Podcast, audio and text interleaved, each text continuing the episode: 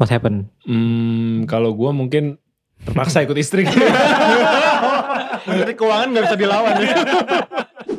gue ngerasa dia kurang menikmati hidup. Dia ngerasa gue terlalu carefree. Untung tobat ya. Untuk tobat. Gimana Jadi, gak tobat sih sebenarnya?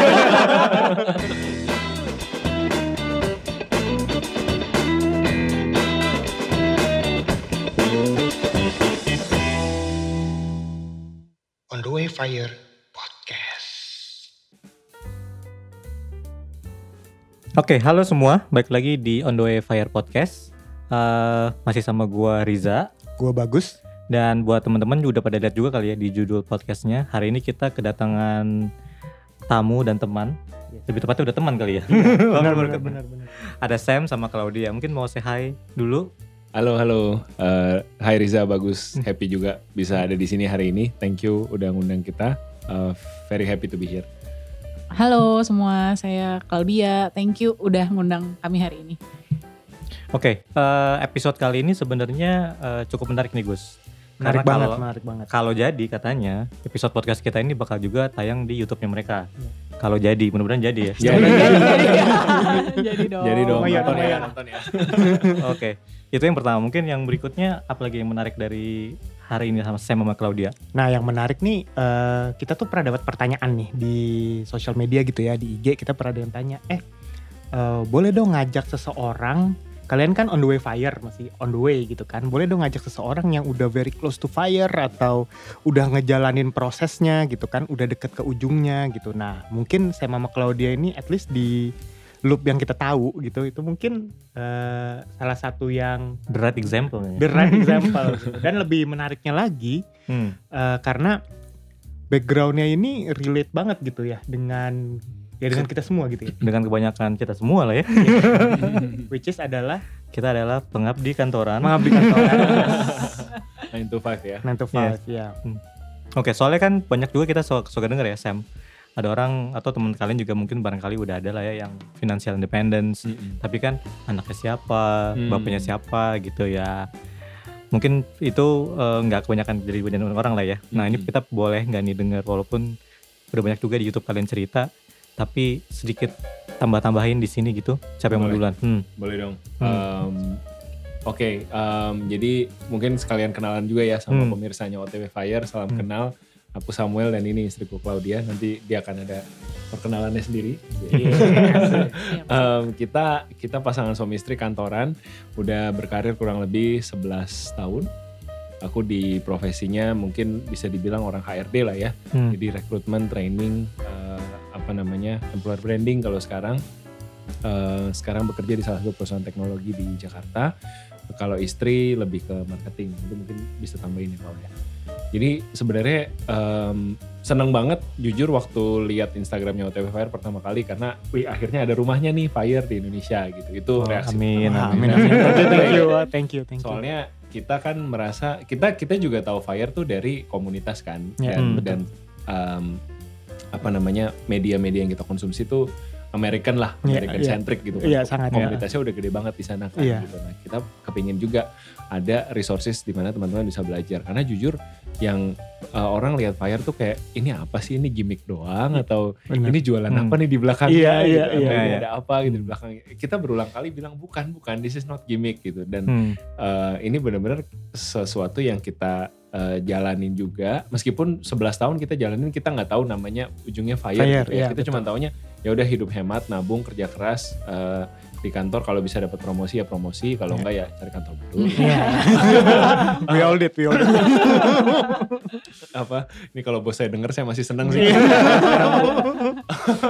Em, jadi itu apa eh, itulah kita gitu 11 tahun ya kita seperti yang tadi udah diintrokan memang ka- kantor-kantoran dari awal gitu ya Hmm. eh, meniti karir dari nol aku juga eh, sekarang posisi manajer tapi ya memulai dari staff admin gitu staff Hmm. admin HRD yang tugasnya beresin arsip karyawan gitu Mm-mm. dan along the years memang kita em, mencapai apa yang kita capai hari ini ya um, of course by the grace of God gitu ya. Hmm. Uh, tapi juga maksudnya dari sisi kita kita nunjukin kerja keras, kita punya work ethic dan Ya. terutama sih memang uh, kita hidup frugal, kita sangat sangat uh, sangat banyak eh, porsi uang yang ditabung gitu dari gaji iya. tiap bulannya. Mungkin itu sih. Hmm. Nah, eh, ya mungkin ceritanya bisa lanjutin Clau kali dari Oke. point of view. Ah, ya, halo semua, saya Hmm. Claudia, istrinya Sam. Em, ya, jadi seperti yang tadi Sam bilang, kita udah kerja 11 tahun, jadi mulai kerja di 2011 ya, lulus Iya. kuliah 2011, lalu langsung Bukannya ke- 2012 ya? Eh, Januari iya. 2012 sih. Sorry, Ketahuan lulusnya. sering nonton YouTube ya. Pemirsa Benar, ini. benar. Subscribe. Mohon maaf pemirsa ya. Jadi benar, lulusnya 2011 September, lalu kerja Januari 2012. Hmm. Em, yang kita lakukan dari awal seperti yang tadi saya bilang ya itu sekedar frugal living jadi hidup hemat dan nabung sebanyak-banyaknya. Hmm, Nah ini tapi juga harus dicatat ya maksudnya nabung sebanyak-banyaknya ini juga em, nggak langsung gitu karena kan kita berdua terutama saya sandwich Hmm. generation nih. Jadi kan Ya. harus tetap support orang tua dengan gaji fresh grad waktu itu awal-awal eh, porsinya tuh jauh lebih banyak yang kita yang kita berikan ke orang tua untuk bantuin bayar utang dan untuk support Hmm. um, hidup mereka sehari-hari lah. Akhirnya paling gue cuman bisa nabung 10-15% itu udah bagus banget gitu ya. Jadi Hmm. uh, tapi kita berusaha untuk terus bisa hidup hemat, membiasakan diri untuk hidup hemat dan nabung banyak. Hmm. Tapi ya itu kita nggak tahu apa itu fire, ya cuman taunya ya hidup hemat, hidup hemat, hidup hemat. Uh, Mau nabung, kenapa mau nabung? Karena kita uh, gue pribadi sih, gue pribadi gue ngeliat dulu bokap nyokap gue tuh nggak punya tabungan. Hmm. Mereka pengusaha dan uh, kayaknya moto hidupnya adalah YOLO aja gitu. Jadi ya Hmm. kalau dapat uang ya ayo kita nikmatin gitu. Tapi nggak usah terlalu nabung-nabung lah. Besok juga ada rezekinya lagi gitu prinsip hidup mereka. Nah tapi gue growing up ngelihat mereka kayak gitu malah deg-degan gitu. Jadi Yeah. gue gue nggak mau jadi pengusaha karena gue takut kan yang uh, apa nggak tentunya itu. iya. Hmm. Gue pengen jadi karyawan karena stabil dan gue pengen nabung gitu karena gue pengen uh, tenang gitu loh. Maksudnya kalau Oke. besok ada apa-apa gue ada pegangan gitu sih. Jadi kayaknya kalau ditarik menurut Suci kan eh, backgroundnya Clau itu lebih karena mungkin tadi ada cerita apa pengen hidup lebih tenang lah ya. Mm-mm. Hmm. Kalau lu gimana Sam? Tiba-tiba kan 11 tahun lalu kan belum ngerti fire lah ya. Mm-mm. Mungkin financial independence mungkin have no idea, cuman Hmm. tahu ya hemat aja. What is what happened? Hmm, kalau gue mungkin terpaksa ikut istri. Menteri keuangan nggak bisa dilawan ya. Ma- marriage happen. Iya iya iya iya iya. Em, tapi iya sih, mungkin mungkin kalau dibilang jawaban jokes iya, tapi ada benernya juga gitu. Oh, jadi ceritanya dulu biar seolah resonate sama calon istri gitu ya. hemat, hemat. Gak begitu sama sekali. Ya. gitu. Ayo Sam, kamu harus jujur. Jadi dia dulu gak hemat sama sekali Iya. gitu. Ya kan. makanya Iya. dia waktu itu pura-pura hemat biar Biar sing biar sing. He wasn't even trying justru gitu. benar-benar. Jadi jadi kan sampai kita kan ada masa pacaran dan Iya, ya, setelah iya. itu baru nikah. Nah pas masa pacaran tuh sama sekali nggak sinkron keuangannya gitu. Hmm. Karena memang secara keuangan juga mungkin keluarga gue di posisi finansial yang berbeda dengan keluarganya Clau gitu. Jadi Hmm. eh, orang tua dua-duanya masih usaha dan usahanya ya ada lah income gitu Hmm. tapi bukan em, bukan yang luar biasa sekali gitu jadi gue juga mungkin dibesarkan dalam kondisi apa ya em, ya ya privilege lah gitu Comfortable. ada Lebih comfortable, lah comfortable. lebih comfortable lah relatively gitu nah mungkin shock terapi pertama itu datang pada saat mau nikah justru jadi Oke. kayak three years into my career kan Hmm. Eh, pacaran waktu itu udah tahun keempat Oke. ya tahun Kok keempat ragu-ragu Sam? tanggal dia yang lebih yakin soalnya memorinya lebih bagus Eh, apa namanya di tahun keempat pacaran tuh mau nikah Hmm. Nah, orang tua bilang ya udah mulai sekarang kamu sendiri semuanya gitu jadi waktu itu wah kirain mau dibantu nih gitu Iya, iya. jadi em, karena selama kuliah pun gue masih terima financial support dari orang tua. Nah begitu pulang, eh, ke udah kerja, em, udah kerja kan, mama lepas tangan ya gitu. Iya. Kamu silakan mau nikah nikah sendiri. Nah eh, di situlah mulai mulai mulai berpikir nih gimana ya uangnya dari mana segala macam. Dan eh, ends up gue nggak punya duit waktu itu. Karena Hmm. uangnya nggak cukup lah intinya untuk Hmm. me- men- achieve dream wedding bahkan boro-boro dream wedding lah gitu Eh, Eh, ala kadarnya wedding juga Iya, gak iya. cukup waktu itu gitu. Jadi akhirnya Iya. ya udah em, sampai akhirnya that wedding was actually bisa dibilang financed by Claudia saving gitu. Jadi Hmm. savingnya Clau. Untung mau sama gue. Sedih kan gue? Enggak. Tapi enggak dong, enggak sedih dong. Karena setelah itu, setelah itu bertobat sama gue. Untung tobat ya. Untung tobat. ya Jadi gimana nggak tobat sih sebenarnya? em, a- akhir ya udah akhirnya setelah menikah itu ya mungkin turning point gitu ya. Semuanya kita berdiri di kaki kita sendiri em, pelan-pelan gitu. Jadi em, kita mulai mikir gimana caranya nih kita bisa punya rumah, punya mobil, uh, Iya. stand on our own two feet dan memang akhirnya ada beberapa hal yang uh, ini di luar keuangan ya, cuman kayak life stages yang kita sengaja nunda. Kayak punya anak kita sengaja tunggu sampai uh, kita bisa keluar dari rumah orang tua dan tinggal di rumah sendiri gitu. Hmm. Ends up Hmm. akhirnya punya anak tuh usia 30 lima tahun setelah menikah. Hmm. Nah itu sengaja kita tunda gitu. Em, terus apa namanya? eh, akhirnya kita masuk ke satu pattern di mana ya udah nggak ada yang disembunyikan eh, because it's easier that way gitu ya Iya. antara gaji gua dan gaji dia kita sama-sama tahu berapa. Em, jadi kayak sistem orang Jepang tau gak sih yang suaminya dikasih uang jajan terus Iya, sisa iya, uangnya iya. dikasih ke istrinya Iya, iya, iya. kira-kira kayak gitulah Iya, iya. kira-kira kayak gitu terus em, ya Bentar, udah Ini, ini podcast kayak makin banyak hal yang gak pernah mereka review sebelumnya. Makin seru ya. Jadi mohon maaf ya. tapi ini menarik juga ya karena kan eh, apa namanya eh, punya pasangan dengan tujuan yang sama. Tuh menurut gue tuh salah satu key bener gak sih? Bener. yang key Hmm. yang that make a huge difference gitu kan. Betul. Karena kalau nggak akan jadi kayak kucing-kucingan gitu kan. Yang Betul. satu mau ke kanan yang satu mau ke kiri nggak ke mana-mana gitu kan. Nah pada waktu itu tuh eh, bisa cerita nggak sih? Atau kayak gimana sih? Eh, kan biasanya orang yang cenderung let's say cenderung YOLO itu kan nggak Hmm. bisa langsung tiba-tiba berubah kan gitu kan nah itu diskusinya tuh apa sih gitu pada waktu itu gitu Jadi eh, gimana ya? Mungkin pad- karena gue dikasih uang jajan itu tadi gitu Hmm, kan. hmm, hmm. Eh, jadi gue YOLO-nya di dalam keterbatasan uang jajan itu, itu. gitu kan framework itu. Jadi mungkin ya tetap dapat YOLO-nya lah. Misalkan gue mau YOLO-nya orang kantoran tuh paling apa sih? Ada kopi susu baru buka Iya, di iya, bawah iya. sebatas Iya, itu iya, kan gitu iya, kan. iya, Yaudah iya. kita mampir beli gitu kayak gitu-gitu. Em, nah mungkin turning point-nya itu 2020 pada saat kita nonton satu video YouTube eh, dari Dodi Bicara Investasi ini juga content creator yang kita iya. Iya. suka sih teman kita juga Iya, akhirnya iya, jadi iya. temenan em, tentang pensiun dini gitu. Iya, iya. Karena tarik ulur yang terlalu terjadi itu adalah nanti mungkin kalau bisa kembangin ya. Em, gua ngerasa dia kurang menikmati hidup. Dia ngerasa gue terlalu carefree gitu. Itu Wah. tarik ulur yang selalu terjadi sampai tahun 2020. Iya, iya, iya, iya, iya. coba coba coba ditambahin kita ditambahin. mau kita mau salaman juga Kita juga mengalami hal itu sampai sekarang Iya, jadi bener banget karena kalau Sam tuh dari dulu mindsetnya gue kan udah capek-capek kerja nih, Iya. ya kenapa lu lagi lu suruh gue hemat-hemat gitu, gue kan harus rewarding myself dong gitu. Hmm. Terus eh, jadi tadi kalau eh, walaupun Sam dapat uang jajan itu, Iya. dia tuh mindsetnya oke uang jajan tuh harus gue habisin gitu, jangan sampai Hmm. bersisa kalau bisa gitu, pokoknya Hmm. harus maksimal.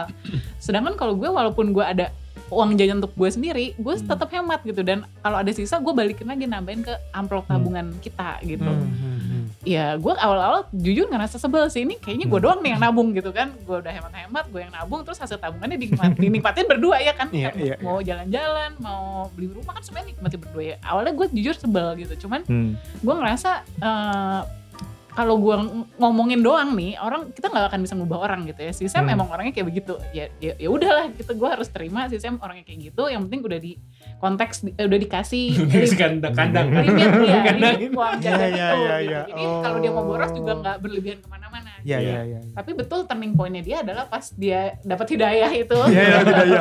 turning pointnya itu pas eh, pandemi kan karena Oke. work from home terus ada waktu yang tadinya untuk commuting jadi dia nonton lah YouTube YouTube eh, investasi tadi Hmm, hmm. terus dia mulai tertarik sama ide yang namanya fire Hmm. jadi sebenarnya fire itu memberikan makna gitu terhadap kesengsaraan dia ya quote Iya. unquote maksudnya kenapa Hmm. gue harus nabung kenapa gue harus hidup hemat karena gue sedang berusaha menabung untuk membeli kebebasan gue Hmm. gitu Hmm. jadi gue sini agak pahit-pahit gitu ya agak ya terus agak hemat-hemat biar gue punya tabungan cukup untuk abis itu gue mau ngapain aja bisa Hmm. gitu Tapi sebenarnya gue rasa kayaknya waktu itu pada saat itu dia kayaknya ini deh. Eh handphone Sam diambil, fire fire ya. Biar masuk Pak, muratnya masuk. Dodi investasi. Kalau gitu terus tiba-tiba, oh ada video ini. Lu gak pernah curiga Sam? Gue lagi tidur ya di gitu. Soalnya kan tadi kan eh, mungkin kalau bilang kan kalau nggak punya strong why katanya ya, Hmm. jadinya kayak ngerasa ya nggak punya apa namanya nggak punya Purpose ya. purpose-nya gitu. Hmm, Itu hmm. tadi tuh kayaknya. Kalau kata Vicky Robbins tuh you have to want more. Oh, oke. Hmm. Hmm. Vicky Robbins kan salah satu authors yang Iya. sering Hmm. diomongin ya di dunia fire ya. You have to want more gitu. Oke. Tapi gue mau nanya sedikit nih. Kayaknya gue agak sedikit ya let's call it curiosity. Mau belajar ini kayaknya. Taktik-taktiknya clown ini kayaknya. Kayaknya kalau ini gue rasa bukan sekedar dari habit, dia kayak ada emang udah lahir begitu aja, Oh, iya. gitu gak Sam? Atau Eh, sih? Setelan kabel ya. setelan kabelnya kali ya Iya. mungkin ya. Kayaknya strong banget ininya apa namanya ya tadi itu. eh, Frugalnya ya mungkin. uh-uh. gitu nggak? Ntar mereka berantem ya bisa. Enggak, enggak apa-apa, emang sering. Tapi emang emang gue kayak begitu gitu. Gue juga menyadari gue orang kayak seneng hidup susah gitu. seneng apa ya maksud gue? Menyiksa diri sendiri seneng, apa? seneng apa ya gimana ya? Oh dulu gue gue suka bercanda gitu. Eh, mungkin lu re reinkarnasi Kaipang kali ya. Kayak gue suka dikatain kayak gitu gitu. Kayak, Iya, si Sam juga bilang masa lu hidup kayak susah banget gitu kan kadang-kadang. Hmm. eh, ayolah lu enjoy sedikit, makan Iya. makan enak sedikit, kadang-kadang jajan sedikit. Ngapain sih lu udah capek masih sibuk banget masak tiap hari gitu. Kadang-kadang udahlah gitu kalau udah terlalu sibuk lu belilah bela- eh, jajan gue nyebut gue jajan online gitu kan jajan makanan online gitu jadi ya santai aja gitu tapi Nggak apa-apa kok. Itu kalau mau add tips itu contohnya. harganya brand Brand. ya. Hubungi OTW Fire di description box di bawah. Nanti kita bagi dua ya. Iya, udah dari sananya mungkin. Iya jadi kayak kayaknya itu ya. setelannya gue emang Iya. kayak gitu sih ya mungkin kayak lahirnya juga kayak gitu terus mungkin ya again growing up juga Necessity juga kan. Iya growing up keluarga gue segitu apa ya prihatin lah gitu ya jadi gue growing up oke gue harus bisa apa ya self control gue harus nabung gitu Hmm, hmm, hmm. Iya, I think the part of growing up itu kan, you- lu kan adalah kumpulan experience dari kecil sampai gede Bener-bener. itu kan, yang men-shape your way of thinking tuh kan Hmm, itu kan gitu. Akhirnya yang mau jangan mau jadi kayak gitu. hmm, tuh. Oke, jadi kalau kita cerita agak lucu sedikit nih. Jadi sebenarnya siapa yang lebih hemat? Most likely Clau. Wow, udah without question. Boleh contoh nggak? Sehemat apa sih Clau? Contoh yang paling hemat selain soal tisu. Kan nggak tahu kan tisu apa? Nah nonton YouTube-nya. Iya apa ya kayaknya tuh semua hal yang bisa gue hemat tuh gue hemat sih sampai si Sam tuh suka marah gitu ini cuma urusan kayak oh iya dulu nih dulu nih ya kalau Hmm. kita ke mall gue tuh ngeliatin stroke kita masuk tuh jam misalkan kita stroke kita masuk 11 16 nih ya Oh, oke. terus udah misalkan jam kan berarti mesti keluar biar genap tuh Biar genap ya, sejam. ya sebelum 16 Iya. sebelum menit ke 16 kan misalkan kita mau pulang udah jam 2 si Sam kebelet nih Hmm. gue bisa bilang Sam udah kita pipisnya di rumah aja lu tahan daripada kita lewat 16 terus harus Oh lewat God. satu jam lagi Udah level ya. Oh my god. Eh, lo harus denger cerita tisu dulu. Coba cerita tisu. coba coba coba Tisu. Tisu yang mana ya? coba Itu lu cerita jangan jangan yang lo bilang. Jadi tisu itu bisa tiga kali pakai. Oh, oke iya iya. Jadi Itu pertama- tisu jangan langsung dibuang. oh iya iya, Jadi kan kayaknya pernah waktu itu. Sam bilang pertama mungkin buat muka, oh, buat iya, apa, buat meja pokoknya gitu. terakhir buat meja. Jadi sampai tiga kali Pakai. penggunaan Iya, gitu. iya, Iya, iya, iya, kalau iya. tisu basah nih, misalnya gue pergi pergi makan ya, gue tisu basah kita kan bertiga nih, gue robek jadi tiga bagian, ini satu. Lu harusnya jadi orang finance deh. Oh, mau masuk corporate lagi gak? mau bilangin bos gue. Nanti hidup lu susah. budget susah susah gua Gila gila. Kalau lo apa Sam? berhematnya ya. Em, Nih kalau lama berarti dia emang gak hemat. Emang gak hemat, emang gak hemat. Jadi kalau gue sih mungkin gimana cara ngakalin diri gue yang gak hemat adalah gue menciptakan sistem yang gue mengurung, membatasi diri gue sendiri gitu loh. Hmm, Kayak hmm. si kartu kredit yang limitnya gede-gede selalu di dompetnya Clau. Hmm, hmm. Eh, nggak pernah gue bawa. Terus eh, ya itu tadi budget yang bulanan untuk gue pakai eh, spending ya diusahakan nggak naik-naik tuh. Hmm. Karena memang duit lakinya di cap duit ya. duit laginya di cap aja dan secara sadar gue menyadari ya udah emang karena gue susah ngatur eh, mendingan gue nggak ngatur deh Iya, mendingan iya, istri iya, yang ngatur gitu Iya, itu itu yang works buat kita ya mungkin teman-teman yang dengerin punya sistem yang lain atau mungkin justru suaminya yang lebih hemat nggak tahu ya cuman kalau di kita sih itu sih yang yang bisa yang bisa works gitu Mm-mm. Di podcast podcast kita episode sebelumnya, beberapa episodenya itu kita selalu bilang kan, fire itu kan sebenarnya intinya cuma tiga lah ya. Apa cari revenue sebanyak-banyaknya, Hmm. ngurangin expense, sisanya di, di invest. Hmm. Ini sih bagus ada insight menarik tentang lu berdua nih. Lu tuh kayak apa istilahnya double engine ya Gus? Double engine. Nah, double engine tuh oh, artinya gini. Semoga lu istri kita denger. ya. Bu, bu, tolong bu. Sama double engine. double engine tuh kan eh, artinya gini, eh, lu both eh, bekerja kan. Hmm. Hmm. Terus punya suatu set atau goal yang sama gitu. Hmm. Artinya walaupun mungkin menteri keuangannya adalah istrinya, Hmm. tapi sebenarnya eh, lu gitu Sam juga buy in terhadap konsep untuk achieving financial independent dan Hmm. in sync untuk berusaha mengachieve-nya Hmm. gitu kan. Nah, eh, menurut gue itu jarang. Hmm. Artinya kan walaupun masing-masing punya kecenderungan ya. Kalau cenderung lebih hemat gitu, kalau Sam lebih enjoying life gitu. Tapi menurut gue itu jarang gitu. Hmm. Hmm. Nah makanya tadi kan kita udah cover bagian itu ya, cover bagian. Makanya gue tadi penasaran tuh nanya itu, gimana sih lu bisa insing gitu kan? kan insing tuh kayak mahal banget men kalau sampai apa bener-bener mau mencapai itu gitu. Nah eh kalau kita lihat yang tiga tadi ya, sebetulnya probably kalau gue lihat-lihat lu mungkin lu jalanin ti- tiga-tiganya basically kan, Hmm. apa namanya growing the gap by apa namanya increasing apa punya Income. income, Hmm. terus ini gitu ya. Nah yang tadi kita udah ada udah cover sedikit mengenai frugal-frugalnya gitu ya, Hmm. cara-cara tipsnya. Nah kalau masalah income nih, nah Hmm.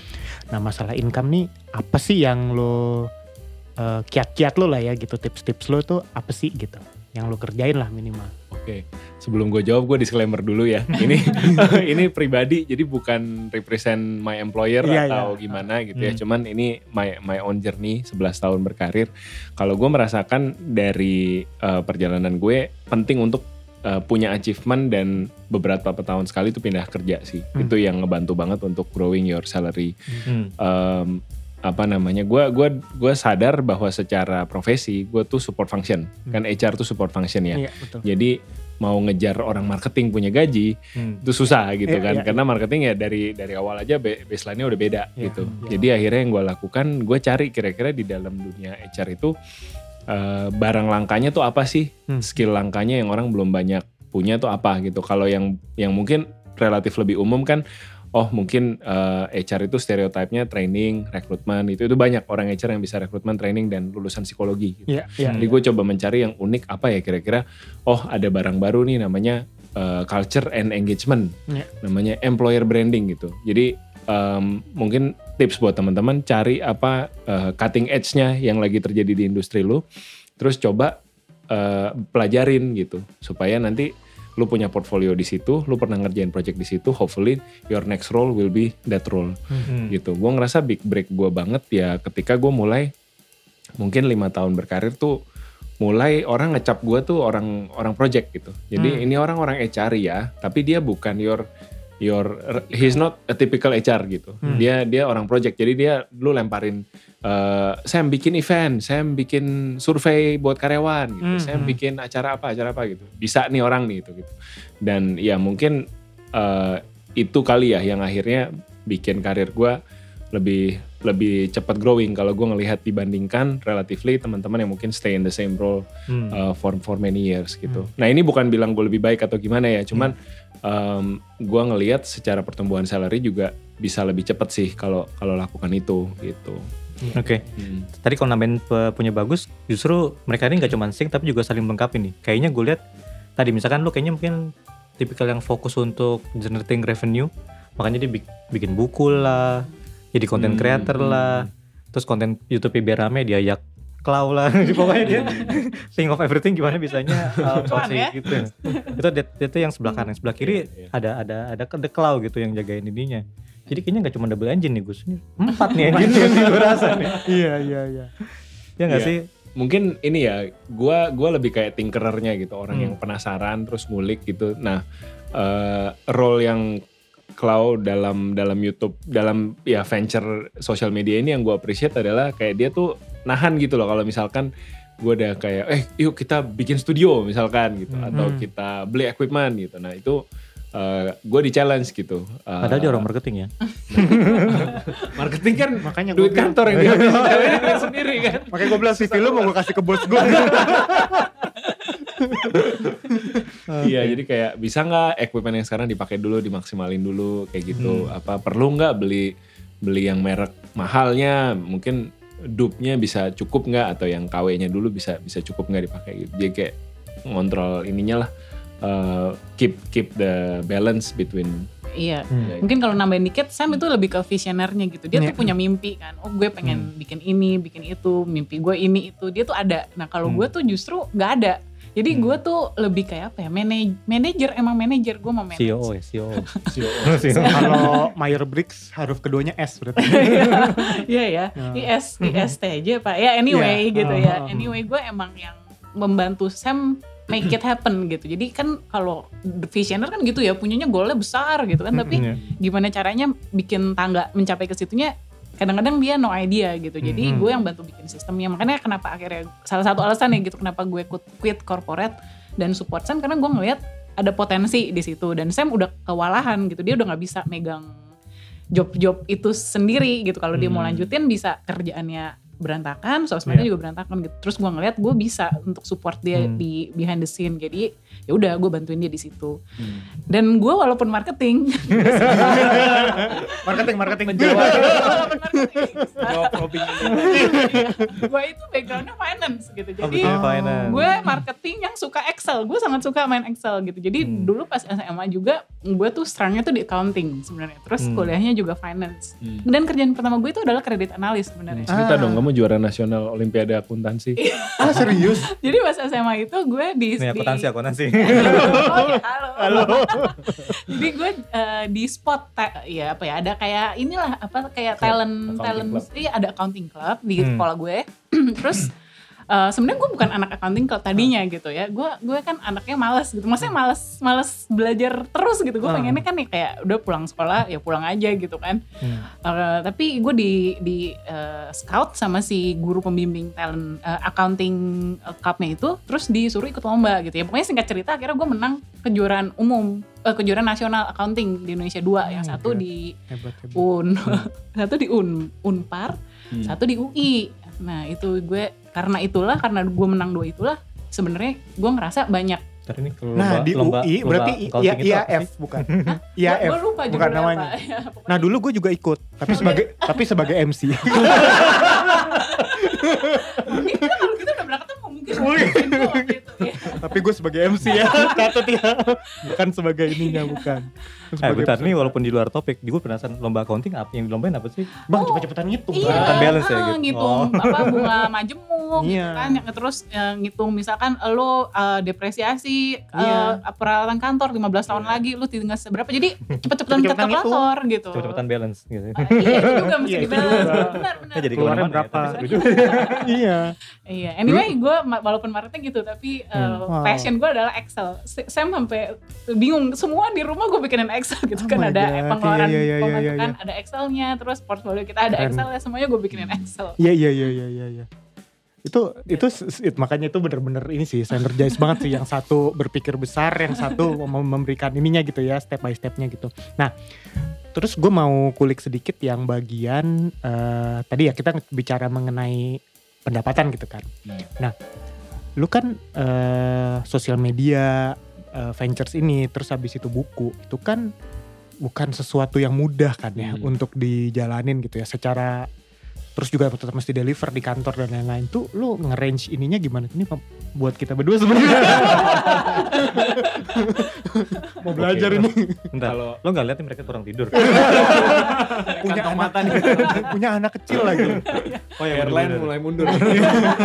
sama kok sama Um, Oke, mungkin salah satu kali ya buku Iya. dulu deh buku. Buku Buku. relatively more manageable karena buku itu uh, ya anytime lu siapnya kapan, uh, publisher masuk ambil naskahnya, Iya. terus finalisasi di mereka. Itu kalau lu mau uh, publish lewat publisher. Hmm. Jadi waktu itu proses nulis gua kurang lebih tiga bulan.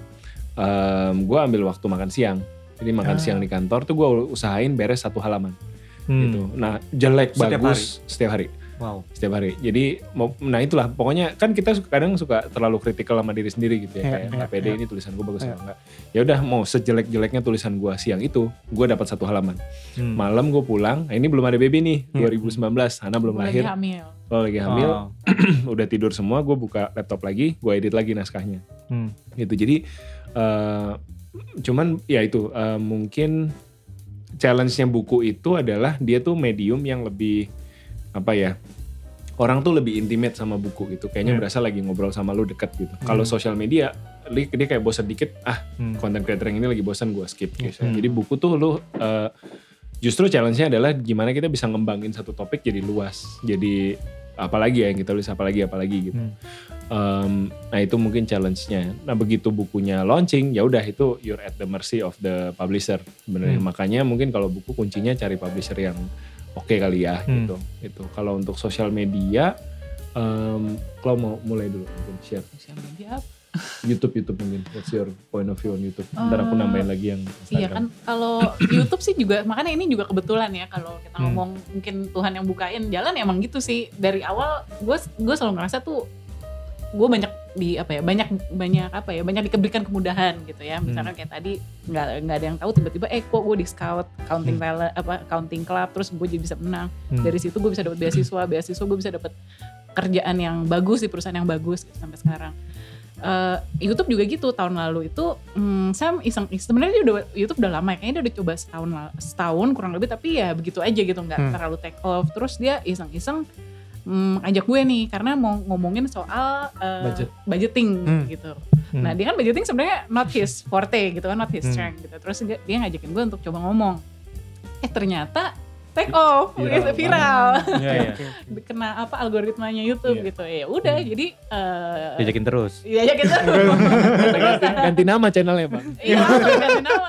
gitu. Iya karena sebenarnya gue eh, nggak pengen jadi content creator. Kalau misalkan lu tahu kan gue juga Instagramnya private ya gitu. Eh, ya, dan gue nggak pengen jadi public figure, nggak pengen jadi influencer. Makanya Hmm. gue happy di behind the scene jadi manajer Sam itu gue udah happy. Tapi anyway ya YouTube itu take off akhirnya kita jadiin itu program reguler dan Hmm. ya udah emang emang kita cuman kuatnya eh, satu video satu minggu ya Iya. that's what we do gitu kita kita tahu diri lah gitu kan Hmm. nggak nggak nggak ngoyo ba- bikin banyak banyak video gitu sekuatnya aja gitu sih kalau YouTube kalau Instagram Iya, jadi mungkin ya masih relate sama YouTube seminggu Hmm. sekali itu. Em, mungkin mungkin ini sih. Dulu waktu kecil kan kita pernah ngerasain langganan majalah ya nggak? Iya, iya, Ya kan nungguin. Kalau gue majalah Bobo, tiap Bobo, hari iya, Kamis iya, gue nungguin gitu. Eh, nah bikinlah sensasi seperti itu ke follower kita. Kalau yang kita pelajari gitu. YouTube eh, kita ada specific time of the week yang kita upload hari Jumat tiap setengah tujuh malam. Hari ini nih eh, pas recording. Eh, kalau untuk Instagram, gue usahain ya minimal tiap dua hari sekali ada rangkaian story yang baru gitu. Jadi Hmm. kadang nggak ada topik pun ya udah gue ngomong aja. Eh, ini apa hari ini gue lagi jalan pulang Hmm. kantor atau anak gue lagi lucu atau apa gitu. Jadi kayak bener-bener Hmm. jangan sampai putus gitu. Em, makanya main sosial media susah gampang gitu karena kan lu nggak boleh istirahat intinya kan kayak Iya. harus Sekali. keluar konten terus harus keluar konten terus jadi kayak Ya. kreatif aja sih kita ngeluarin konten apa Em, juga gua punya semacam konten bank gitu loh di di handphone ya namanya konten bank cuman intinya ya notes aja ada folder Ya. notes yang kayak gue kepikiran apa Tulis. tulis tulis tulis gitu ntar kalau udah ada waktu dikembangin lagi dikembangin lagi Iya. dan jangan mungkin satu lagi ya Iya. uh, don't worry about the medium dulu kayak ah gue nih orang video atau gue nih orang tulisan atau Hmm. gue nih harus joget dulu baru Hmm. laris gitu, gitu kan mulai dari apa yang kita strong aja gitu Iya, iya, gue gua awal-awal ngonten 2019 tuh muka gue nggak kelihatan sama sekali cuman tulisan aja Iya, jadi iya. kayak gue ngeblok tapi di IG story Iya, iya, gitu. iya, iya, iya. Uh, jadi kayak um, kalau dipikir-pikir kan yang yang nonton yang laku-laku di Instagram tuh nih yang cantik lah atau yang Hmm. menunjukkan kemewahan misalkan mobilnya bagus-bagus gitu ya.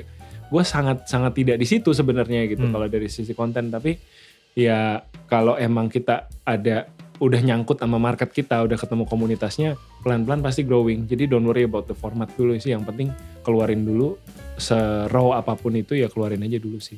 Nice. Gitu. Oke. Hmm. Eh tadi udah ngomongin buku. Mau cerita Hmm. dikit gak Sam?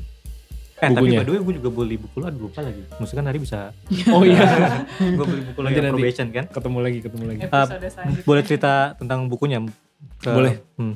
Boleh boleh. Hmm. Eh, jadi bukunya terbit tahun 2020 sih udah udah dua tahunan. Waktu itu gua ya basically kepingin ada format yang beda buat uh, readers Hmm. uh, yang mungkin nggak terlalu main Instagram gitu, yang lebih suka baca Oh, buku. oke. Hmm. Jadi bukunya tentang proses mencari kerja. Di situ gue bagiin expertise gue tentang um, apa namanya uh, dari sisi HR gitu ya, gimana Hmm. cara nulis CV yang bagus, gimana Ya. cara ikutin interview yang bagus gitu dan Hmm. seterusnya dan seterusnya sampai dapat kerja.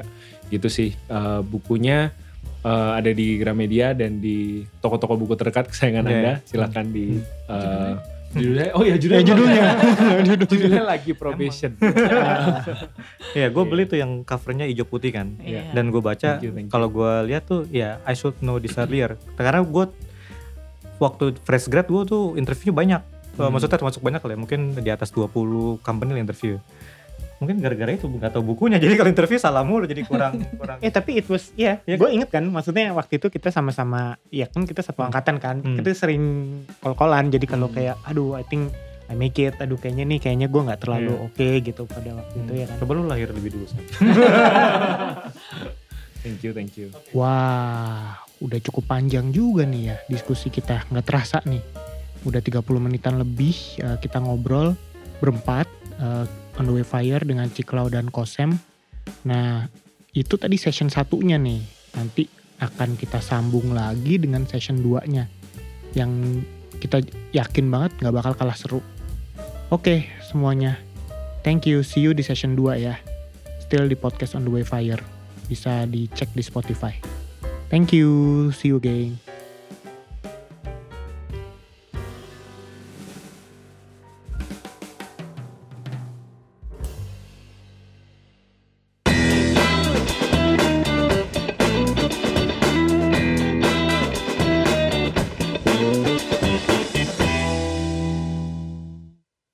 Fire